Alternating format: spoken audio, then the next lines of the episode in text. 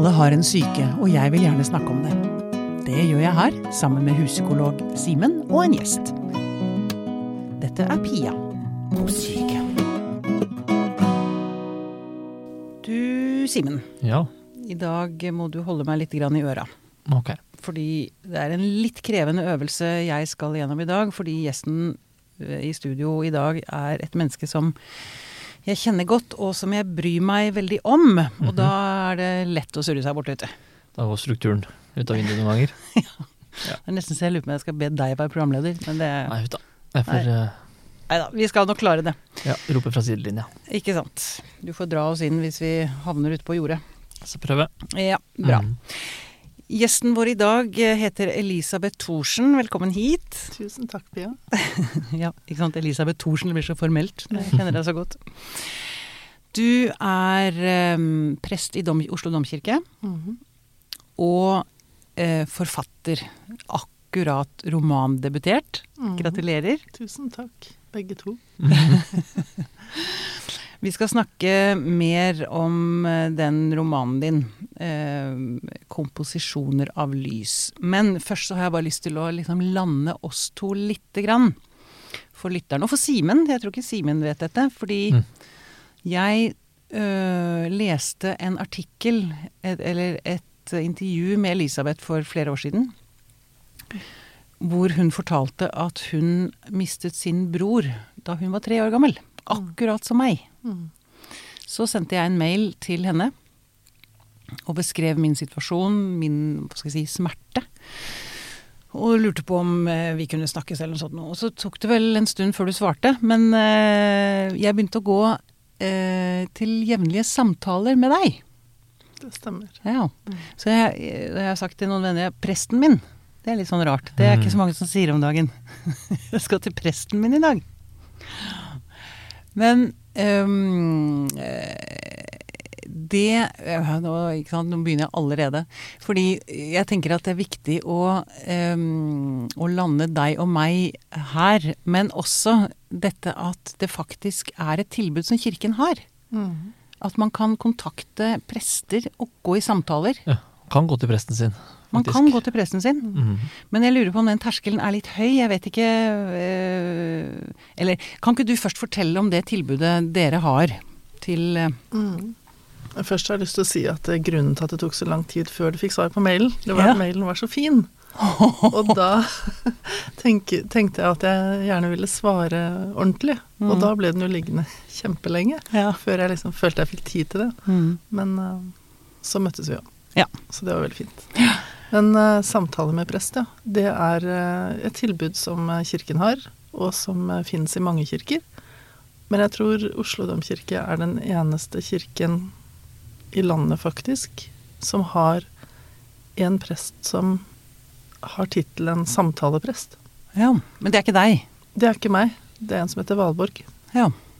Men eh, jeg, min stilling er jo ledende domkirkeprest, Mm. så det har vært en visjon jeg har hatt, da, å få en sånn samtalepreststilling. Fordi at eh, vi har åpen kirke eh, hver dag, og når man har åpen kirke, så kommer det alle slags folk inn i kirken. Så, og mange som har lyst til å prate, med, prate ordentlig. Gjerne med en prest. ja.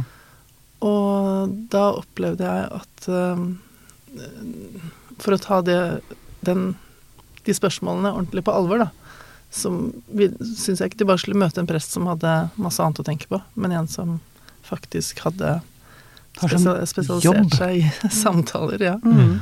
Og, og, så det har vi i Oslo domkirke. Men de fleste kirker vil si ja til å ta imot folk til sjelesorg, som det heter. ja. Det er jo en del av de klassiske presteoppgavene.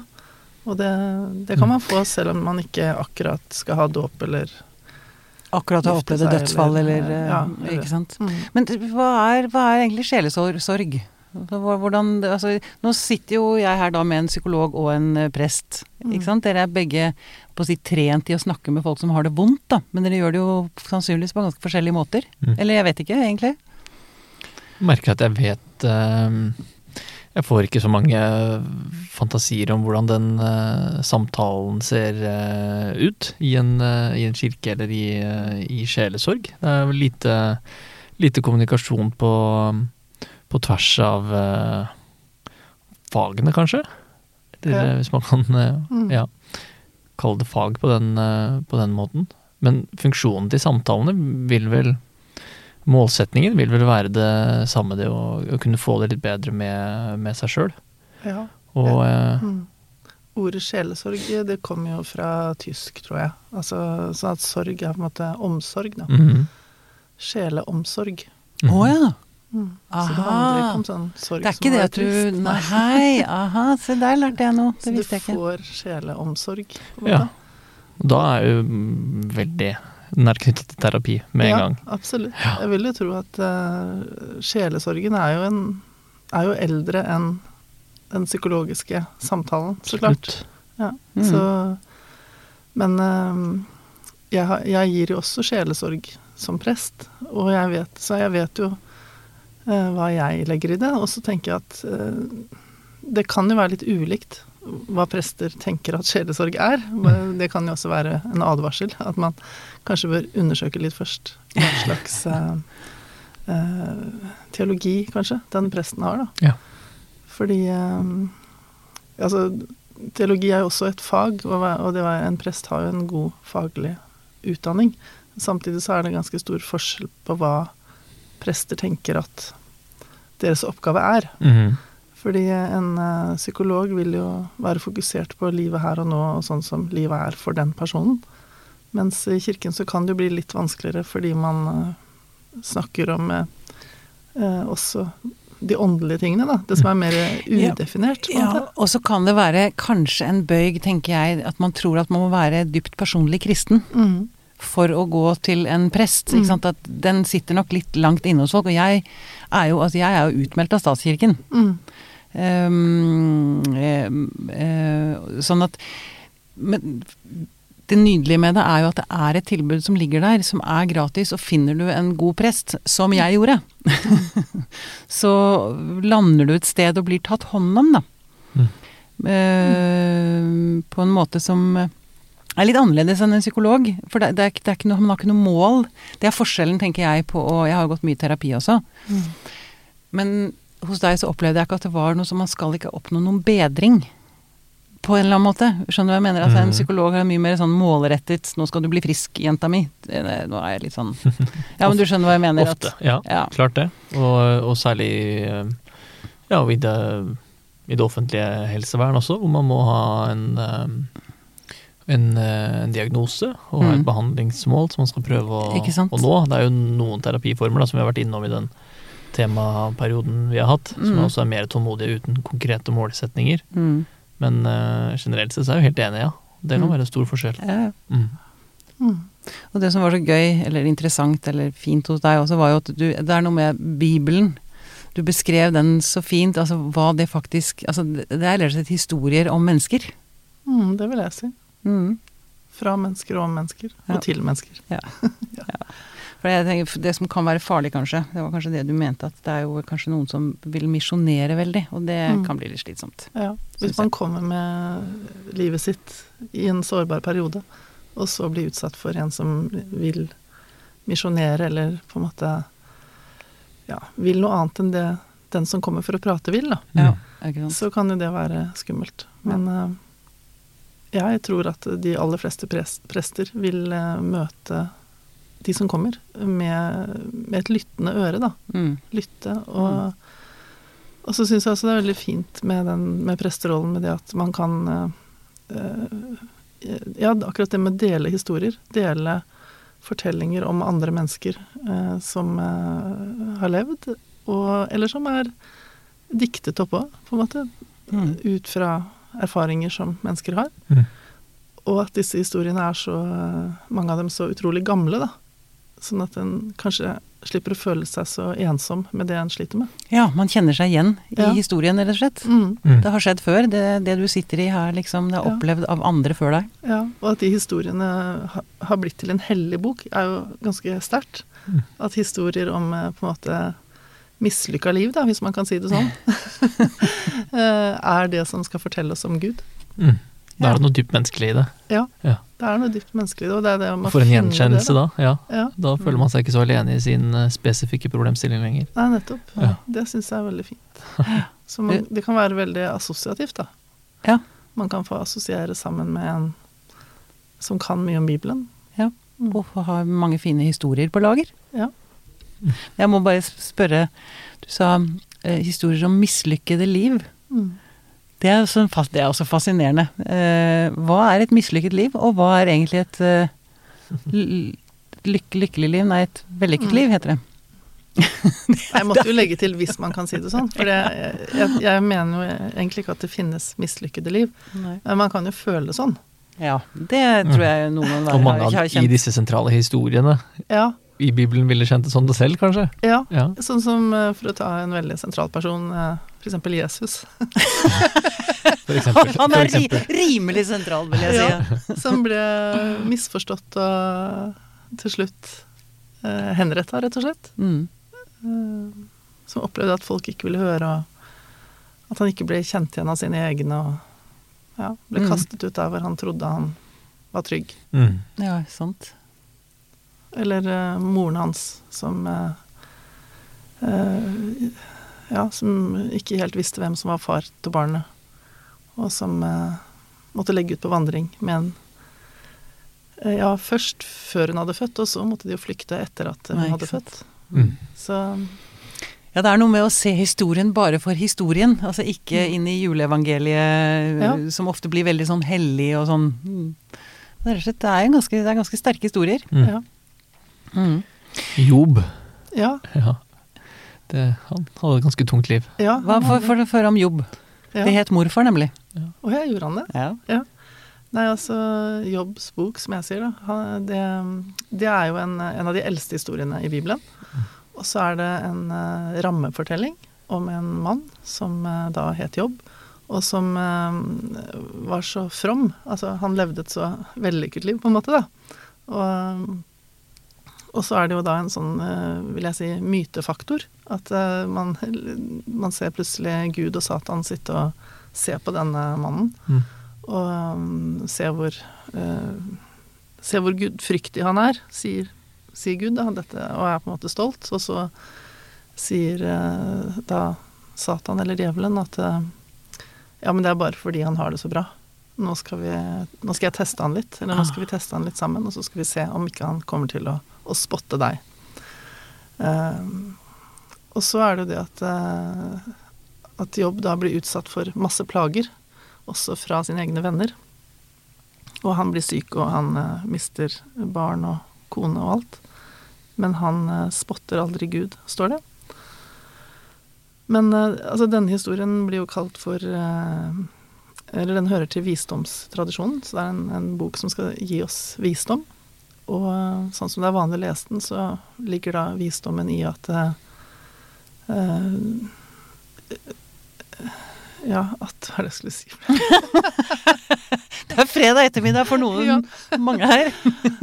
At eh, eh, det går ikke an å eh, på en måte reservere seg mot plager i livet. Mm. Det Mm. hjelper på en måte ikke å være kristen eller religiøs.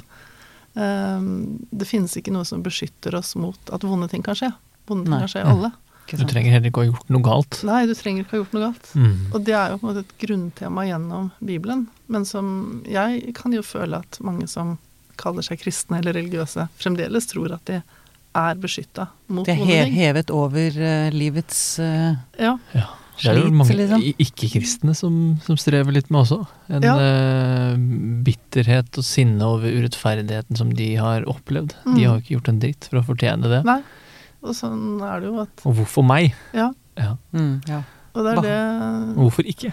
Ja, hvorfor ikke? Ja. Ja. Mm. Og jeg syns noe av det vakreste på en måte i Jobbs bok er jo når han beskriver liksom eh, lynnedslag og torden og eh, sjøuhyrer og det som er, og liksom ser livet sitt i sammenheng med den voldsomheten. da.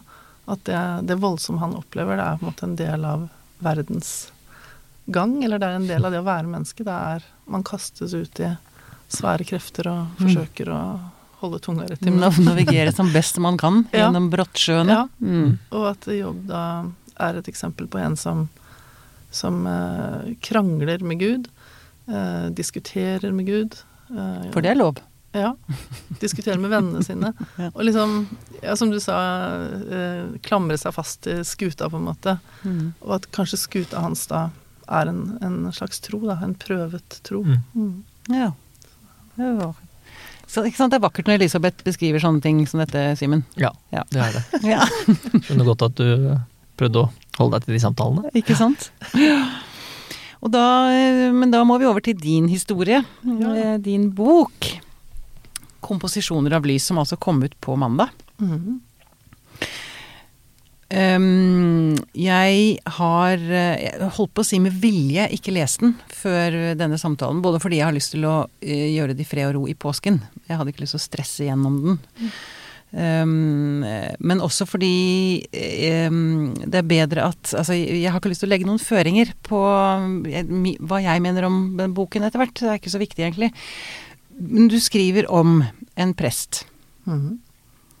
Uh, og du skriver om korona, nedstengning og adskilthet og ensomhet. Du tilegner boken til ensomheten. Mhm. Og så handler det om Isaac Newton, har jeg skjønt. Mhm. Mm. Komposisjoner av lys.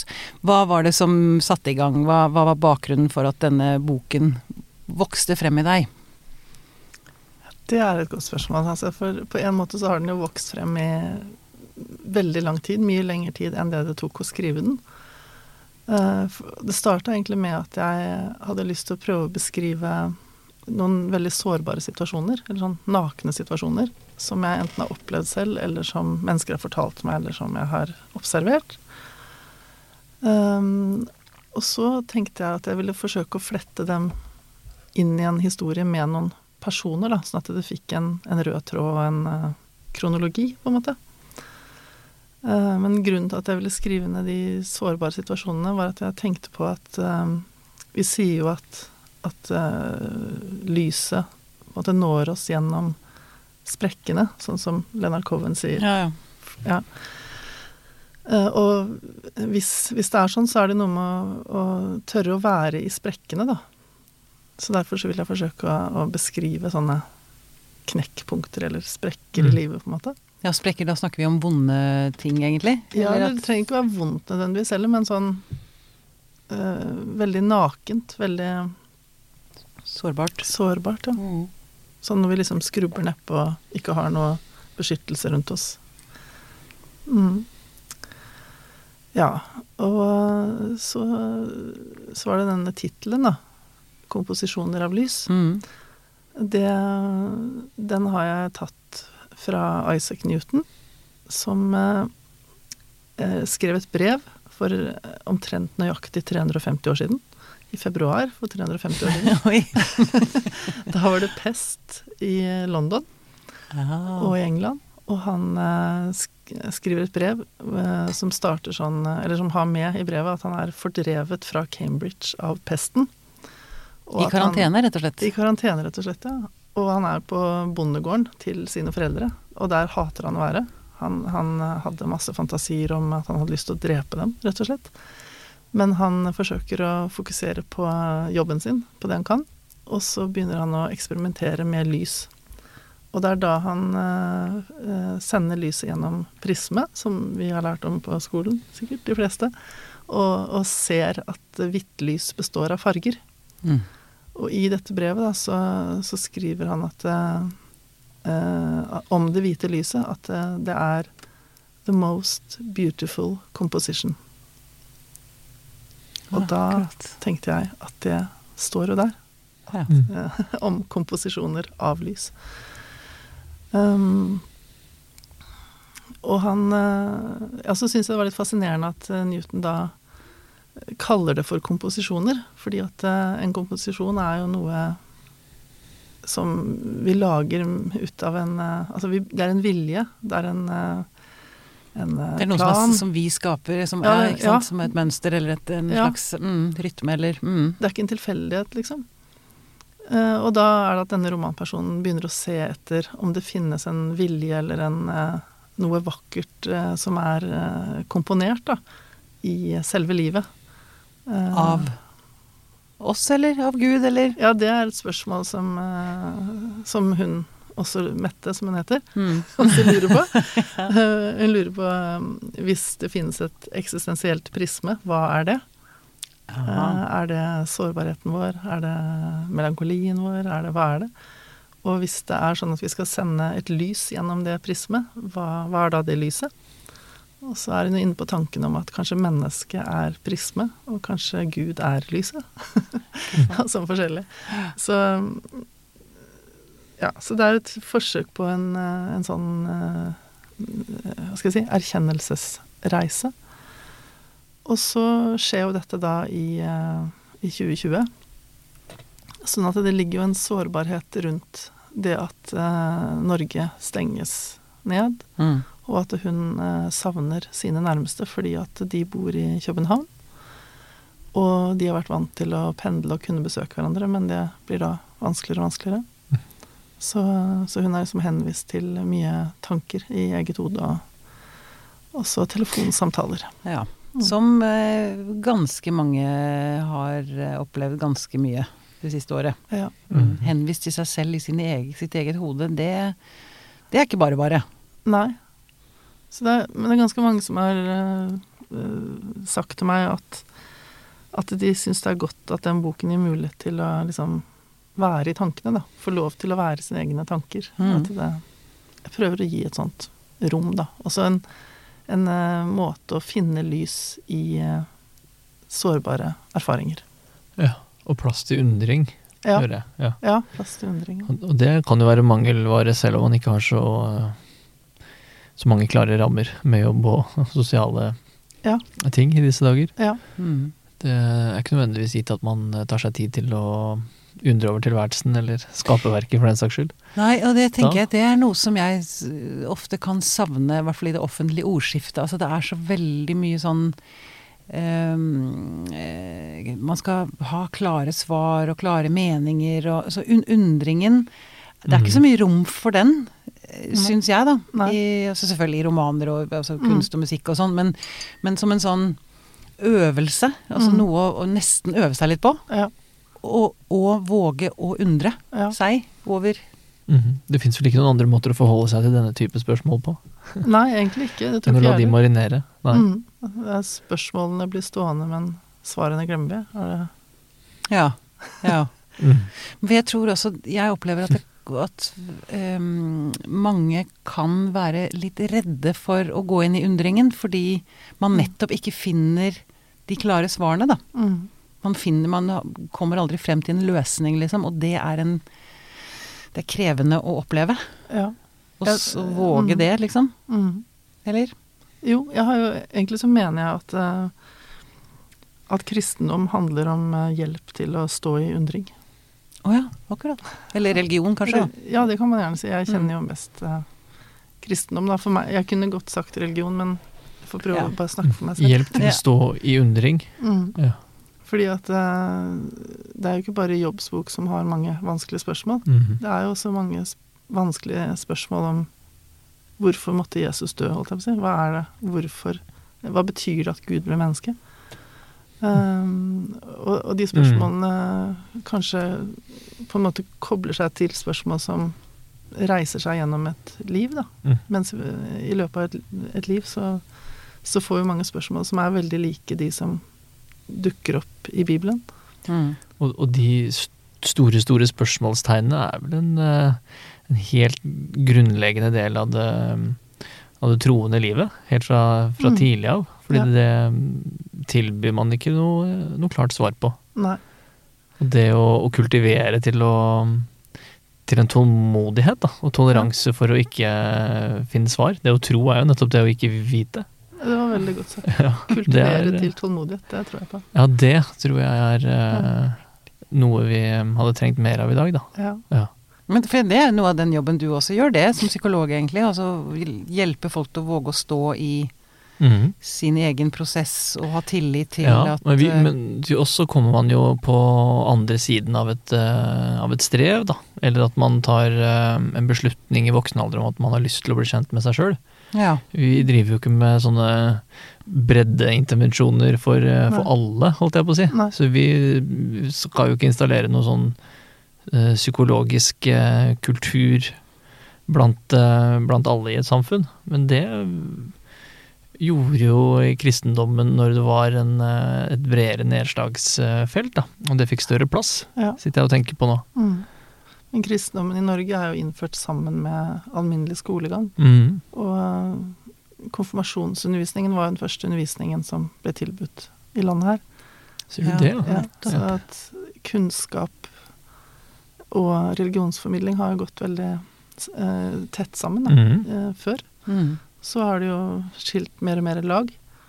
Men eh, fremdeles så ligger det jo en stor sånn kunnskapsbank og sånn eksistensiell eh, visdom da, Ja. mm. i, i religion. Mm. Nettopp. Og man kan jo diskutere den, eh, det, det skillet som har, som har skjedd mellom stat og, og kirke, at ikke kristendommen har like, en like stor fot inn i skolegangen eh, lenger. Men det, en, en kostnad av det vil jo være nettopp dette med tålmodigheten til, eh, til undring og tro, men ikke vite. Og det må jo da kanskje gjøre oss dårligere rusta, eh, religiøse eller eh, ateistiske, til å håndtere de store spørsmålene. Mm. Tro eller ikke tro, liv og, og død. Mm. Mm. Egentlig tror jeg vi står foran en ny stor sånn, samtale om de tingene Mm. i vår tid. Fordi, også fordi kirken er mer åpen nå, tror jeg, for å ta sånne spørsmål. Ja. Um, Mm. For, ja, fordi dere har på å si, vært gjennom en slags reformasjon, dere òg? Eller det, det, dere har måttet uh, gå i dere selv ja. rundt en del sånne store Mm. spørsmål som homofili og Ja. Kirken følger jo eh, utviklingen i samfunnet for øvrig, og Mm. at På en måte i takt med at homofili ble lovlig, og også etter hvert ikke en diagnose, så er det jo heller ikke lenger synd, um, vil jeg si. Og da da, da nærmer jo også Eller altså, jeg mener at Kirken står i et avhengighetsforhold til det samfunnet den utvikler seg i. Den Mm. er ikke løsrevet fra sin kontekst, Mm. selv om kanskje man liker å tro det. Så Mm. hvis en ser på det i historien, så, så ligner kirkene veldig på det, de samfunnene som den fins i, da. Ja, ikke sant. Men samtidig så skal jo kirken ha et slags sånn profetisk oppdrag, eller peke på noe, noe annet. Noe som eh, man kan strekke seg mot. Og eh, noe av det som kirken alltid skal peke på, er jo menneskets ukrenkelighet og gudlikhet. Da. At mennesker er skapt i Guds bilde, og at alle har de samme rettigheter. Mm. Selv om ikke det er sånn i praksis i Mm. samfunnet, så Mm. skal kirken fortsette å si det. Og øh, jeg syns noe av det jeg likte godt da jeg begynte å, jobbe som prest, og måtte liksom framsi Vi må jo framsi bønner i gudstjenestene. Og da En av de bønnene som var da, var øh, 'Vi takker deg for håpet om det evige liv'. Og det tenkte jeg var Det var, veld, det var jeg veldig glad for. At vi kunne liksom takke for at, at det var et håp. Ja. At ikke jeg Ikke liksom det evige skulle- liv, punktum. Nei. nei. eh, Men at det kanskje er det. ja, og da tenkte jeg også at eh, ja, det er min jobb er å, å takke for at det finnes et sånt håp, og så å holde det fram i møte med alt som kan skje i et menneskes liv. Ja. Uh, takke for, altså holde håpet fram om at uh, det er noe mer. Det, det syns jeg er prestens oppgave. Ikke sant. Mm. Du, um, jeg har lyst til å, å snakke litt grann også om eh, altså liv og død, eller dødsangst. Mm. For det øh, opplever vel jeg kanskje har kommet litt mer frem nå under korona. Mm. Jeg står liksom litt sånn ansikt til ansikt med døden på en Mm. helt annen måte enn vi, vi er vant til i Norge, da. Mm. Som jeg på en eller annen måte tenker vi har godt av. uh, vi har jo vært ganske beskytta i, i dette trygge, rike, fredelige landet vårt. Mm. Men øhm, opplever dere, det spør dere begge, at øh, mennesker har fått en økt dødsangst? Som på gruppenivå? Eller at det er, er det mer oppe? Er det mer snakk om det hos dere? Sånn i koronatida, Ja, eller liksom ja. i større tids... Nei, i, korona, i koronatida, egentlig. Også med, en sånn, med et blikk på boka di, Mm. eh, som jo handler om koronatiden og, og store spørsmål som Mm. dukker opp. Nettopp fordi vi er kanskje mer overlatt til oss selv og vårt eget hode. Ja. Kanskje det også øker dødsangsten på en eller annen måte. Eller det eksistensielle blir så Mm. Altså hun Mette i boken, da, hun sitter jo og ser ut, Uh, og det er uh, 15. mars eller noe sånt nå, 2020. Mm. Og, og så sier hun at, eh, at hun ser uh, Hun ser så tydelig døden i de brune bladene i blomsterbedet. Uh, og uh, at det skarpe vårlyset på en måte avslører dødstegn, da. Ja. Hun det varsler død, liksom, var det hun så? Ja, hun. Altså, Mm. ja, du kan jo si det sånn. At, og at hun blir veldig opptatt av f.eks. en sånn uh, liten samling med sopp som plutselig dukker opp i plenen. Mm. Og at hun lurer veldig på hva, hva sopp egentlig er. Og, og jeg har jo også fletta inn en del sånne bibelhistorier i den romanen. Mm. Eh, så da kommer det også en sånn tekst fra Gamle testamentet om eh, hva man skal gjøre med sopp på hus. Veldig detaljert beskrevet fra en av Mosebøkene. Om eh, hvordan man skal skrape det vekk eh, og det er jo nettopp fordi at det måte er død, da. At det skal skrapes vekk. Og Sopp er død.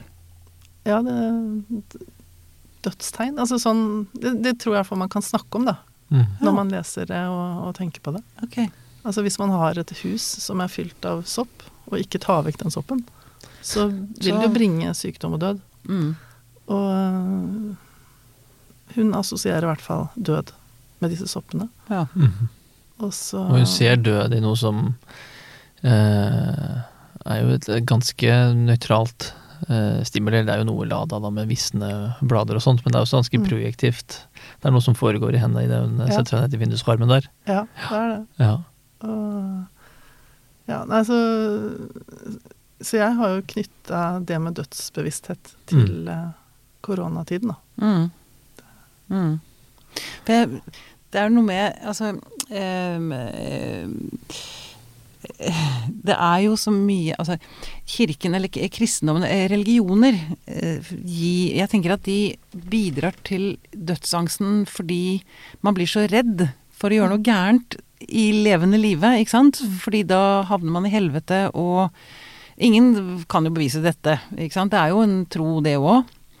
Men at den dødsangsten eh, Jeg har liksom litt lyst til å legge litt skylden på kirken, skjønner du hva jeg mener med det? Ja. At dere sier på en eller annen måte, eller dere, nå skal jeg ikke si dere, men kristendommen sier at vi har på en eller annen måte svaret. Mm. Og, øh, og det, det, skrem, det er skremmende, det bildet som blir tegnet opp av kristendommen. ja. Jeg er helt enig. Jeg ville kalle det for utstøtelsesangst, jeg, da. Jaha, ok. At øh, kristendommen øh, produserer en eh, utstøtelsesangst fordi at eh, det knyttes betingelser til å få være med. Ikke sant? Ja. Ja, nettopp. Og, og de betingelsene kan være sånne som vi aldri klarer å oppfylle. Altså, hvis jeg var homo, så kunne jeg ikke bli hetero. Eller hvis jeg er kvinnelig prest, jeg kan ikke bli mannlig prest. Nei. Uh, hvis jeg ikke klarer å tro, så klarer jeg ikke å tro. Mm. Uh, men så er det da noen som mener at kristendommen sier at da er du utafor. Og, da- og det finnes jo også kristne som snakker om, et, om helvete som et evig hinsidig straffested. Eh, og jeg mener jo at eh, man kan snakke om helvete uten å snakke om et evig hinsidig straffested. Fordi at det finnes jo helveter inni oss, f.eks. Mm. av angst. Mm. Og det finnes jo helveter som vi skaper for hverandre. Mm. Eh, eksempel hvis vi støter hverandre ut, da. Rett og slett. Eller hvis vi ikke vil eh, ta oss av eh, hverandre. Mm. Eh, sånn at jeg mener jo at de fortellingene som kristendommen bærer, ikke må brukes skråsikkert, for det første. Og så for det andre så mener jeg jo at uh, Gud er kjærlighet, og er mer kjærlighet enn mennesker er. Og at uh, det ville være helt absurd å påstå at Gud ville liksom stå i en slags himmelport og si at eh, du trodde ikke på meg, så Gå din vei. ja. Mm. Det er jo Jeg mener at kristendommen er et budskap om det motsatte. Ja. Du Men- trodde ikke på meg, men jeg tror på deg. Velkommen hjem. ja. Men det betyr at du tror ikke det finnes en Satan? Eller et helvete? Jeg tror jo det finnes altså At man er dømt til evige pinsler og ja, grilling, grilling som små griser? ja. Mm. Men vi vet jo ikke noe om hvordan Vi vet ikke hva døden er. Nei, Vi vet ikke noe om hva som skjer med oss etterpå. Nei. Og ut fra alt jeg har lest og lært og erfart, så kan jeg ikke liksom forestille meg at uh, at det skulle finnes noen som ville grille oss som små griser, holdt jeg på å si. jeg tror det er noe Nei, jeg, jeg er så sliten i bilder. Får håpe. Men det er jo en kjensgjerning at det er jo mange som frykter nettopp dette helt sånn konkrete Ja, ja, ja. eh, helvete og fordømmelsen eh, etter livet. Ikke sant? Men um, Det er jo noen som har også- laget de fortellingene, og som Ja. repeterer dem. ja, og som bruker det. Ja. Mm. Ja, som Eh, bruker dem aktivt nesten for å ja. få makt, eller ja. Det kan man si. Men um, jeg eh, Ja. Men det er jo også Jeg tror de, eh, de fleste som jeg har eh, eh, snakket med om, uh, om dødsangst, har vært uh, en, Det har vært en ganske eh, ateistisk tematikk, da. Mm. Og jeg tror ikke nødvendigvis det er sånn at de eh, Jo mer eh, religiøsitet det er, jo, eh, jo mer dødsangst er det. Ofte kan det være ganske motsatt òg, tror jeg. Mm. Fordi det er jo mange som kan finne en trøst i det òg, da. At det er noe mer Mm. enn bare dette. Enn Mm. bare det går i svart når vi dør, liksom. Ja, Mm. og hva blir alternativet da? Det er jo mange som sier det at um, i, um, i dagens kultur så er det selve som har blitt en uh, ny gud. At vi må eh, Vi skal, eh, om ikke tilby oss selv, så i hvert fall realisere oss selv, da, og det er den største, største meningen. Mm. Det kan man jo se i selvhjelpskulturen osv. Og, så Mm. og da blir jo døden virkelig eh, noe forferdelig. Det er jo det enden på alt. Ikke sant? Ja.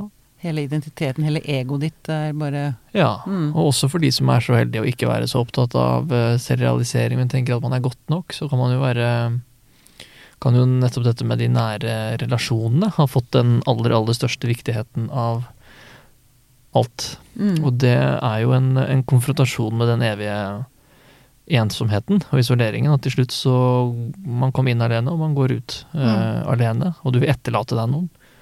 Mange som også pines veldig av uh, Beklager ordvalget. Det med um,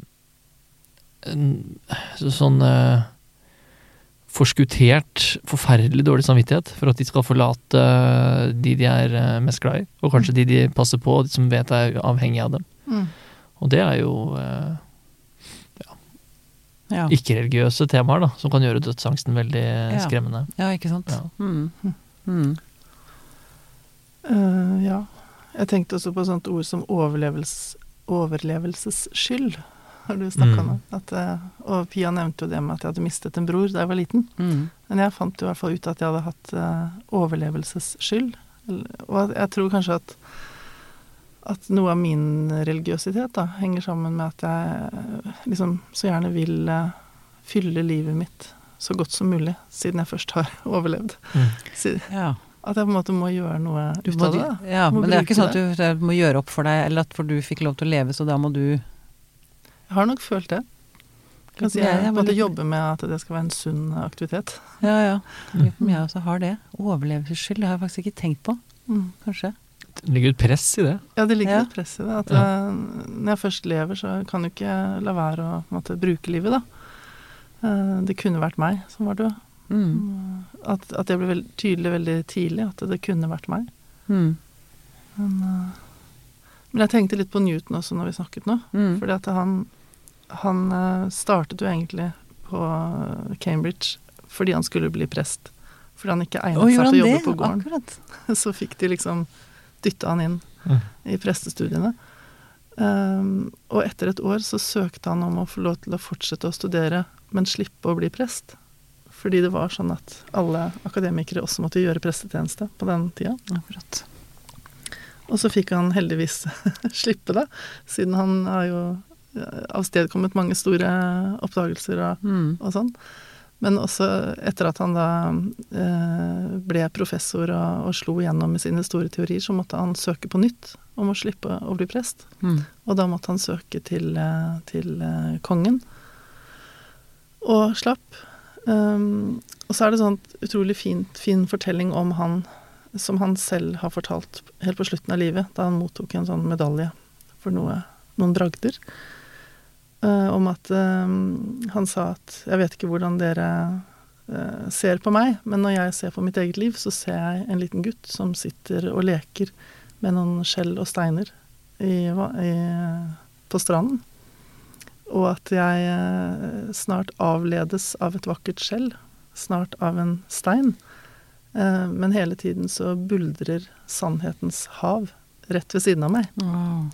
Uh, og det syns jeg Mm. er sånn veldig vakkert sagt, og så veldig ydmykt uh, i forhold til alt han faktisk fikk til da, i livet sitt. Mm.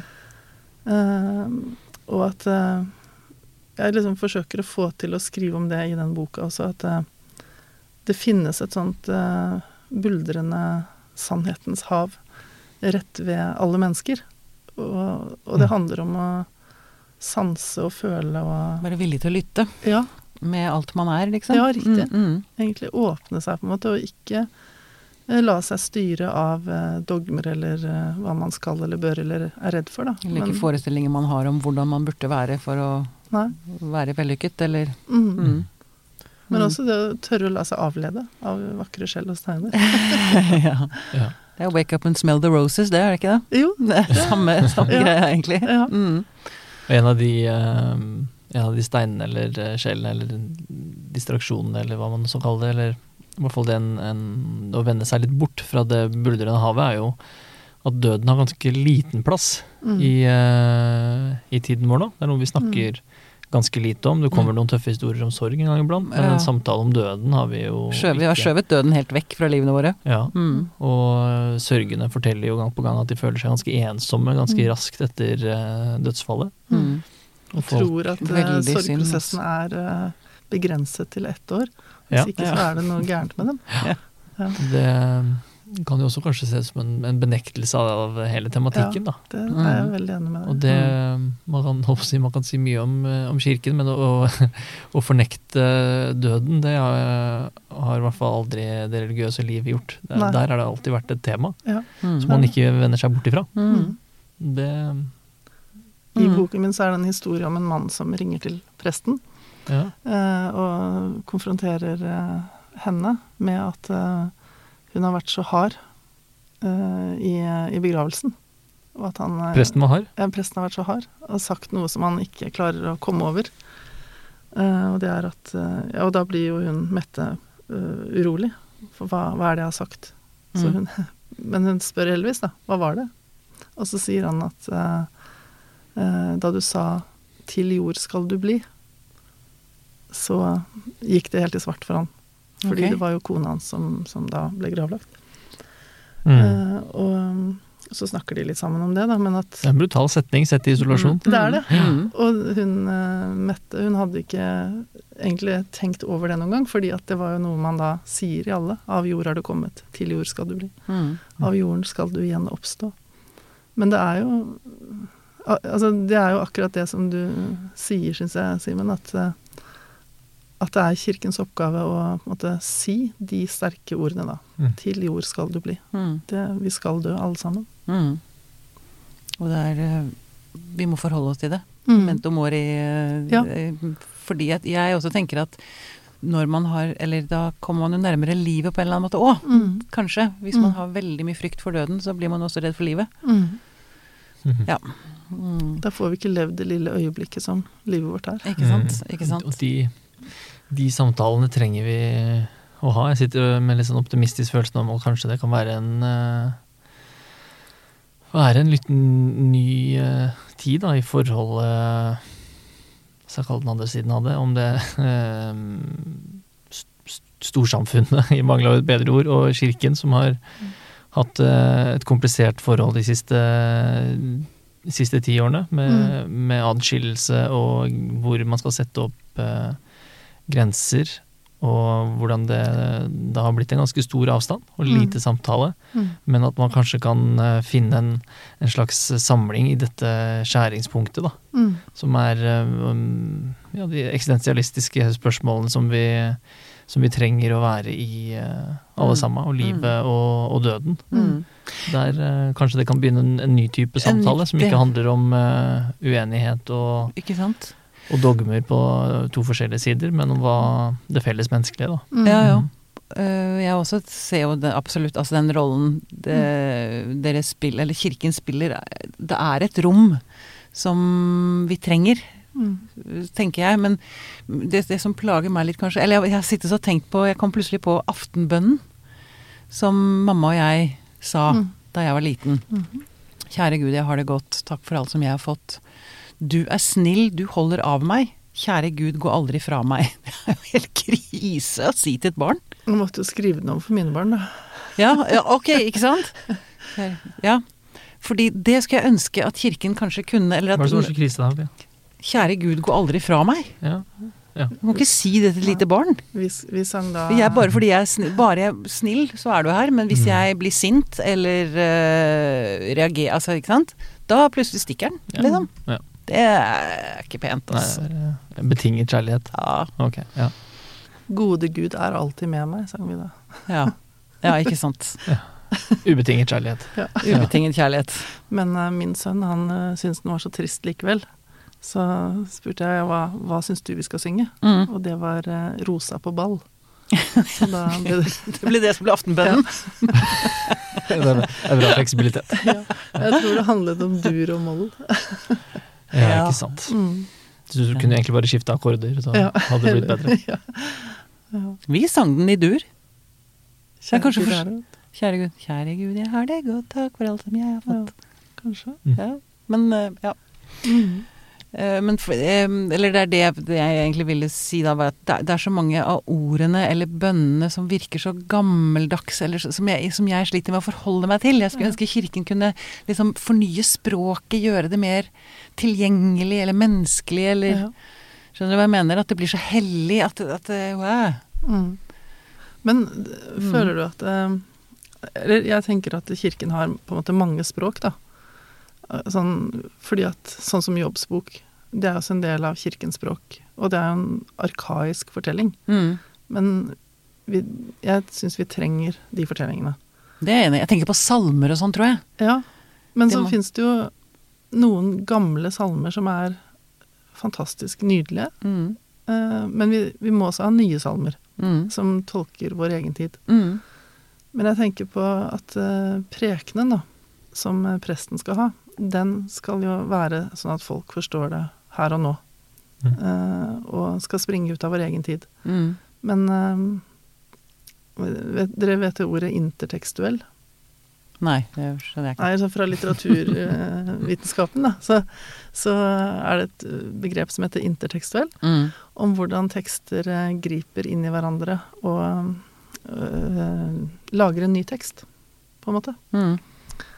Eh, og at en gudstjeneste er jo intertekstuell på den måten at den består av eh, mange forskjellige tekster fra mange forskjellige steder og mange forskjellige mm. tider. Og så settes de liksom i samspill i en gudstjeneste, også med det mennesket som hører. Kan jo si at det også på en måte er en tekst. Og i det samspillet så blir det masse mellomrom og kanskje konflikter og forskjellig. Eh, Men en veldig sånn kreativ eh, egentlig opplevelse, da. Som kan gjøre at man begynner å tenke, eller begynner å spørre, eller Mm. begynner å lure, tvile eller tro, et eller annet. Men at de sånne tekstmøter, ordmøter, fra så mange ulike ordspill, kan du kanskje si. Mm. Eh, Og tider. Mm. Ja, det tror jeg Det tror jeg er veldig Eller for meg har det i hvert fall vært veldig kreativt. Ekstremt kreativt. Mm. Hvis, eh, hvis jeg har en gudstjeneste, så kan jeg føle at jeg får liksom tusen ideer. Jeg har bare lyst til å gå hjem og skrive en roman med en gang. Mm. Mm. Og så har det skjedd litt den siste tiden, har jeg fått inntrykk av, også med mm, ungdommelige menigheter. Kanskje litt inspirert av eh, amerikanske menigheter, har jeg inntrykk av. Kanskje med mm, hvor det er mindre preken og mer sang, annen type eh, musikk. Ja. Mer ungdommelig og mer schwung over det, da. Mm. Ja. Det, mm, det er vel noe som kan gjøre det mer eh, tilgjengelig, Mm. enn at man eh, skal eh, finne glede og mening i det samme som besteforeldrene dine gjør. Ikke sant? Ja. Mm. Det har blitt et veldig stort mangfold. Ja, det virker sånn. Ja. Mm. Det kalles for bra. Liturgirevisjon. Så det. Har vi lært om det? Ja. Det det der. Du, nå mot slutten, Elisabeth og Simen, så jeg har litt lyst til å bare snakke om høytiden vi er på vei inn i. Ja. Jeg har jo tenkt på disse, jeg har jo sagt eh, at disse siste ukene, det har jo vært en sånn evig langfredag. Mm. Ja, men det er jo så stengt og lukket overalt, ikke sant. Det å gå rundt i byen er jo, det er som langfredag, ja, liksom. det er det. langfredag som aldri tar slutt. Ja. Lang søndag, jeg tenker på det som. Ja, ok, ja, Ja. nettopp. Fredag er liksom positivt. Nei, men langfredag er liksom den stilleste dagen Ja, vi har i det var, Jeg husker da jeg jobbet på Theatercaféen for mange år siden, det var eneste dagen Theatercaféen var stengt. Mm. Mm, jeg tror Og det. kinoen var stengt. Og, Og kino, alt var stengt. Langfredag var liksom bare helt sånn ut, Og ikke hadde man noen gaver å leke med engang. Som man har på første juledag, liksom. Nei, Mm. bare død og fordervelse. Det er, det er jo, langfredag er jo en død- og fordervelsesdag. I England heter det Good Friday. Mm, ja, akkurat. Mm. Så det er, ja, så det er ulik eh, på en måte, eh, ving altså innfallsvinkel. da. Ja. For man kan tenke på at eh, det er trist fordi Jesus dør. Mm. Så kan man også tenke på at eh, det er noe godt som skjer. Fordi at eh, Gud uh, totalitentifiserer seg med, med menneskenes sårbarhet, eller dødelighet. Da. Det må du forklare. Total identifiserer seg med menneskers sårbarhet. Det var uh... Fremmed, fremmedord. Ja. Det var jo et ord jeg fant på nå, på en måte. Men uh, identifisere seg, altså bli lik som. Mm. Og så uh, total, altså med, med alt med det dypeste menneskelige, som jo er å dø, da. Fordi ja, Du sier at Gud identifiserer seg med mennesket totalt 100% på den dagen fordi Fordi, fordi Gud er jo uh, Gud ble menneske i Jesus. Ja. Og så dør han. Så dør Gud, da. Ja. Eh, Akkurat, Uh, stiger ned til dødsriket, ned til helvete. Og som mange diktere har sagt, uh, at han har med seg nøkler. Det har jo også Nytestamentet sagt. Gud har med seg nøklene til dødsriket og på en måte låser det opp. Sprenger det. Sånn oh, ja. at ikke det er ensomt eller Man er ikke utstøtt selv om man dør. Man er ikke totalt overgitt lenger, fordi Gud på en måte er også der. Det her er jo en slags dogmatikk, men det er også en fortelling og en slags poesi, da. Mm. Og en trøst, tror jeg. Mhm. At um, Jeg tenker i hvert fall det er derfor det heter Good Friday på engelsk. Fordi Gud stiger ned i det aller mørkeste. Ja. Og, eh, og, Slipper inn lys. og slipper inn lyset. Mm, mm. Åpner det, lager en sprekk i det, sånn at Mhm. lyset kan komme inn. Og Simone Weil har jo et veldig fint bilde, altså hun er filosofen, Mm. med at uh, hun sier at uh, korset er en vektstang. Gud senker seg ned, og mennesket stiger opp. Ah, Så det det er en. Den, må, den, må jeg den må jeg tenke litt mer på, kjenner jeg. mm. Hvis du tenker deg en vektstang, ikke sant, Mm. Ja, ja, ja. Ja, ja, ja. en dumphuske, ja. Mm. Korset som en dumphuske, det var på fint. siden, så går det opp Ja, på den andre siden. ja, Ja. akkurat. Ja. Mm. Um, men da apropos, altså det var langfredag, men hele påskehøytiden, da. Mm.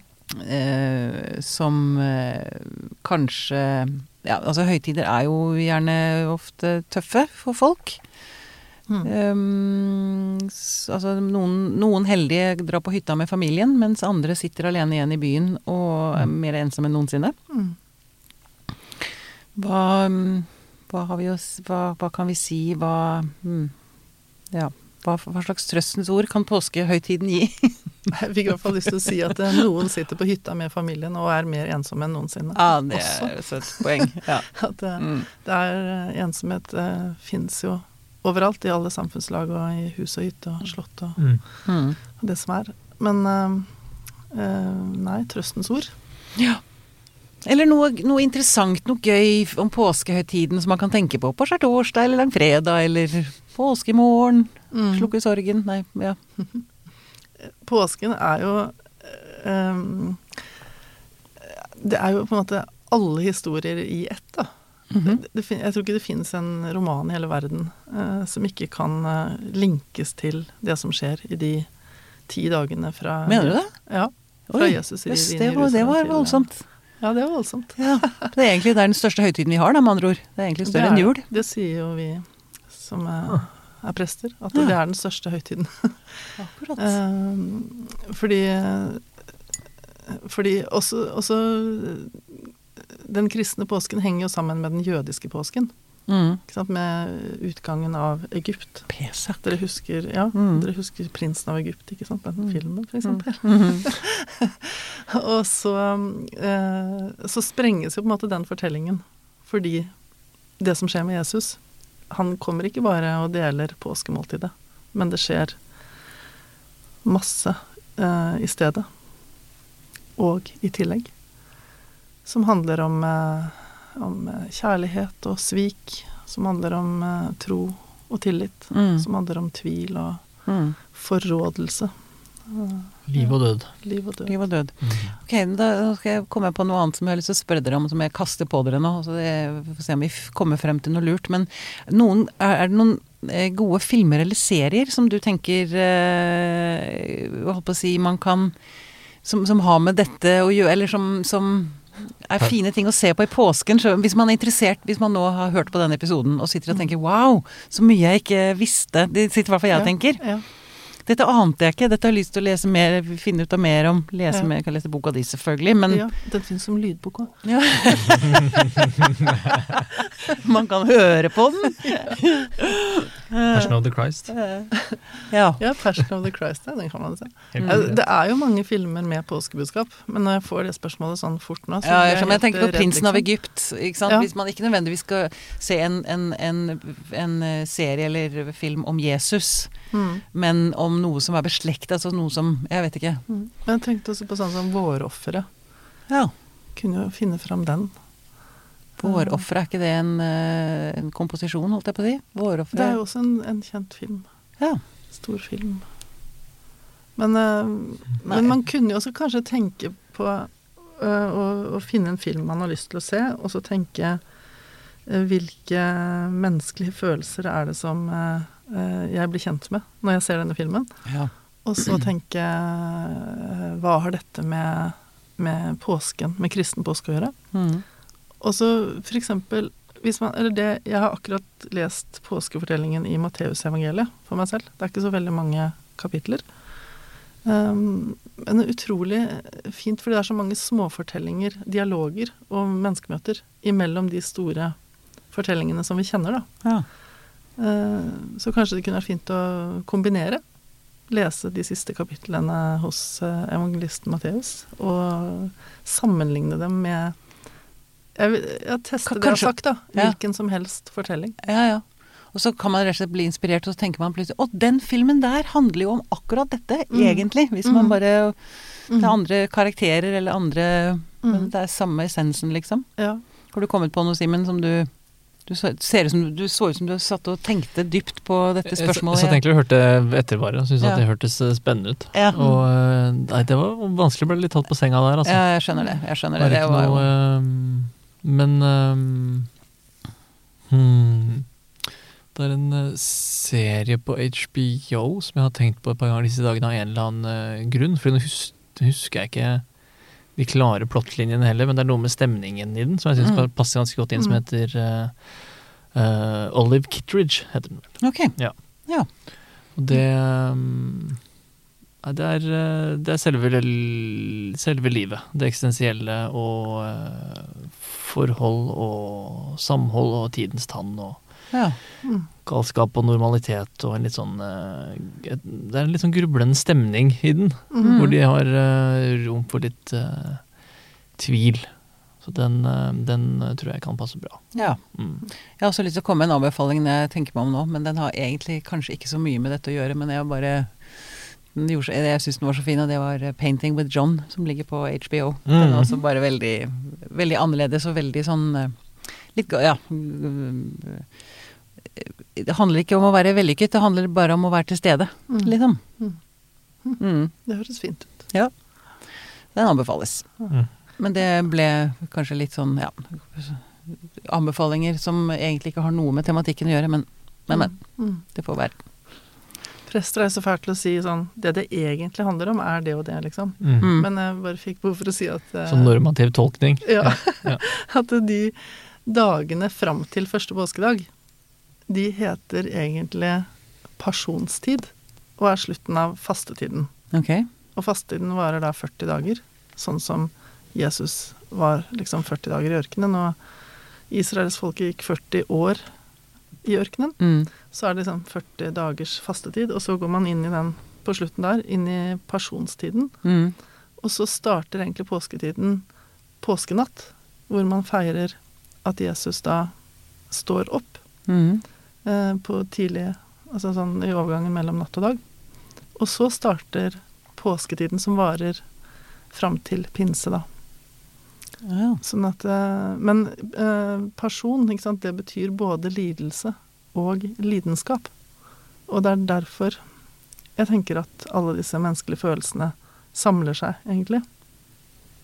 Fordi påsken er jo overraskelse og glede og løssluppenhet, på en Mm. Mens pasjonstiden er eh, enorm lidenskap for å være med sine kjære, holdt jeg på å si, eller søke, sånn som Jesus gjorde, søke eh, de som vil redde liv. Mm. Og, og enorm eh, lidelse fordi at man blir overgitt og alene og Mm. kjemper med døden. Mm. Så vi går inn i pasjonstiden, og så over i påsketiden. Jeg, har- jeg har ikke noen jeg, har, jeg, jeg klarer ikke å dra dette sammen, kjenner jeg, til en eller annen sånn fin konklusjon. Men så jeg tror jeg bare sier uh, hjertelig tusen takk for at du kom, Elisabeth Thorsen. Veldig fint å ha deg Vi har plass til at vi ikke trenger å konkludere. Ja. Tvilen og det for det. Ja, det passer egentlig veldig fint. Vi lar det bare henge i løse lufta. Ja, Sånn. Tusen takk for at jeg fikk komme, i hvert fall. Det var Mm. veldig fint å snakke med deg. Ja, så bra. Og riktig god påske. God påske. God påske.